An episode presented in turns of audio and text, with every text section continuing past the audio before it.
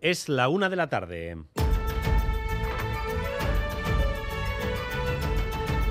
Crónica de Euskadi con Dani Álvarez.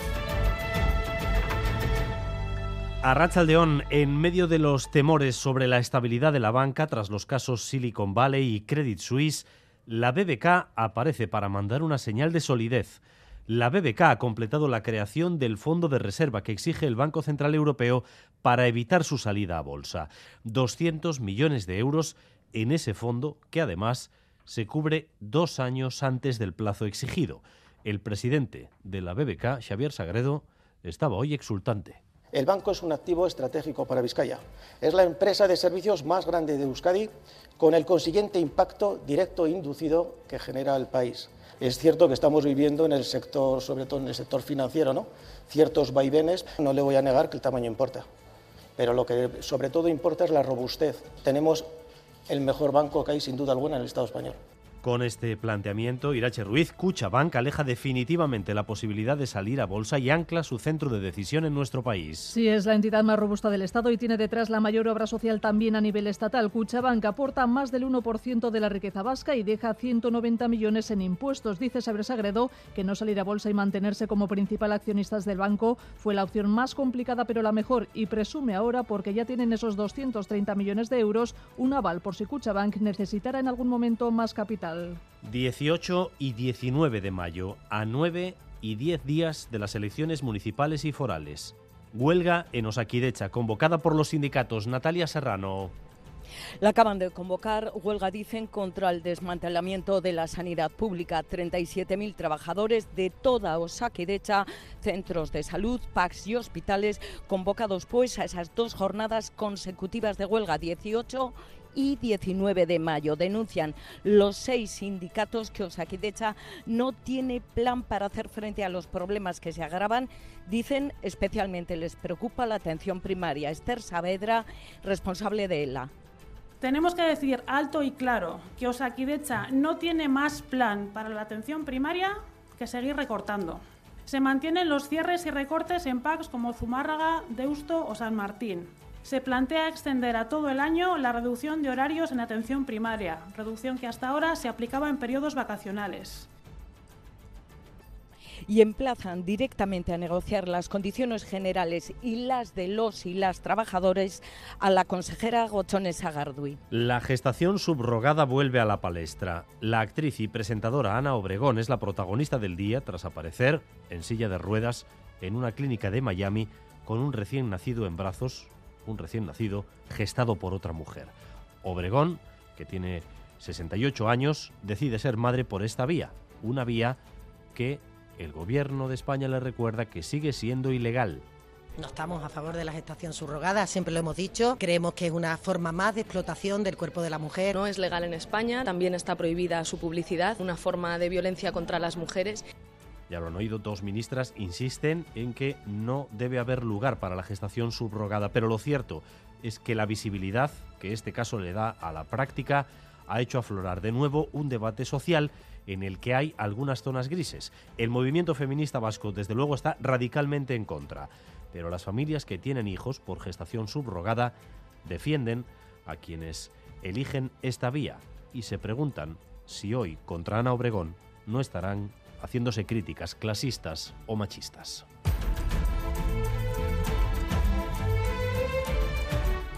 Hace una semana que terminó el invierno y ya estamos en verano. Las temperaturas hoy se acercan a los 30 grados. Natalia Díaz, día de playa, León.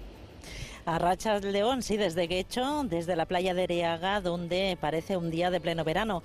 La gente ya está aquí tomando el sol con todo el kit, el bañador, las cremas, las sillas monas y en el paseo vemos a muchos tirantes y chancletas. 25 grados tenemos ahora mismo aquí, está un poco nublado, hace una brisa más que agradable que se agradece y la gente, claro, está encantada.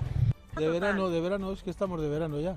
Sí, sí, hoy nos toca playita todo el día. Está increíble, mira cómo estamos ya, desde la mañana. Mejor que, que en Peñíscola está.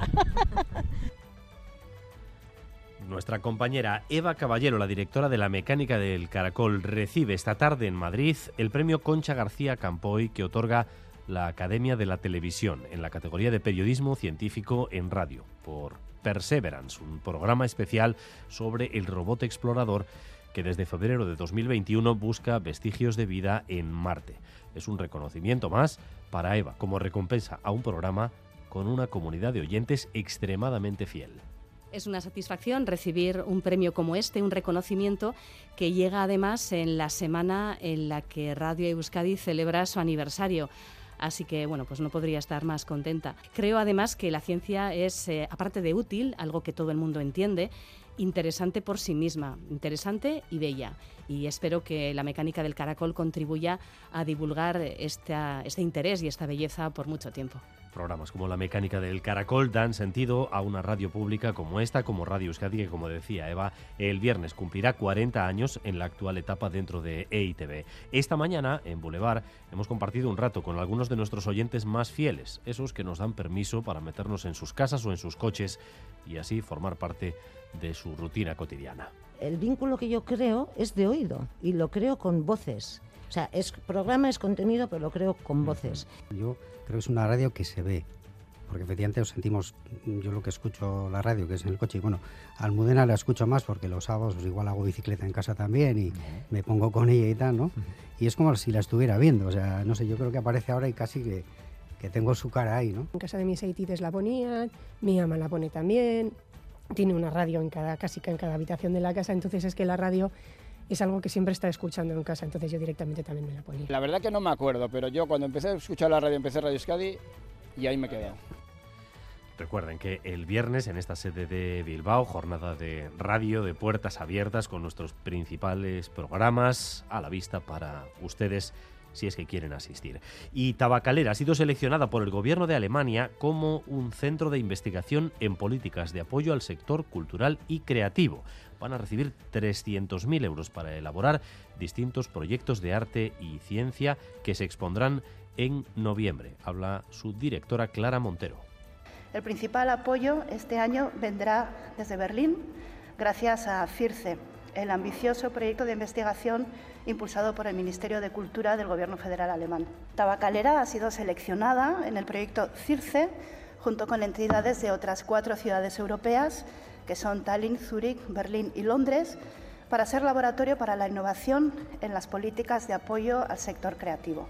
Y vamos también con lo más destacado del deporte, con Álvaro Fernández Cadierno, Arrachaldeón, Álvaro. Arrachaldeón con Iker Muniain, capitán del Athletic y a día de hoy suplente, ha reconocido que no está contento con su situación, pero respetando, lógicamente, la decisión de Ernesto Valverde.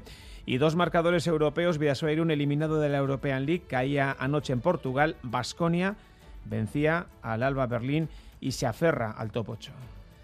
Y en la dirección técnica tenemos a Raúl González y a Jorge Ibáñez, en la coordinación a Aitziber Bilbao. Insistimos en lo del tiempo, seguimos con sol y temperaturas elevadas, aunque lo cierto es que cerca de la costa, como nos decía antes Natalia Díaz, no están siendo tan elevadas como se esperaba. El viento sur, en todo caso, continúa, 26 grados ahora mismo en Bayona, 25 en Donostia, 24 en Bilbao, 18 en Vitoria-Gasteiz y 17 en Pamplona.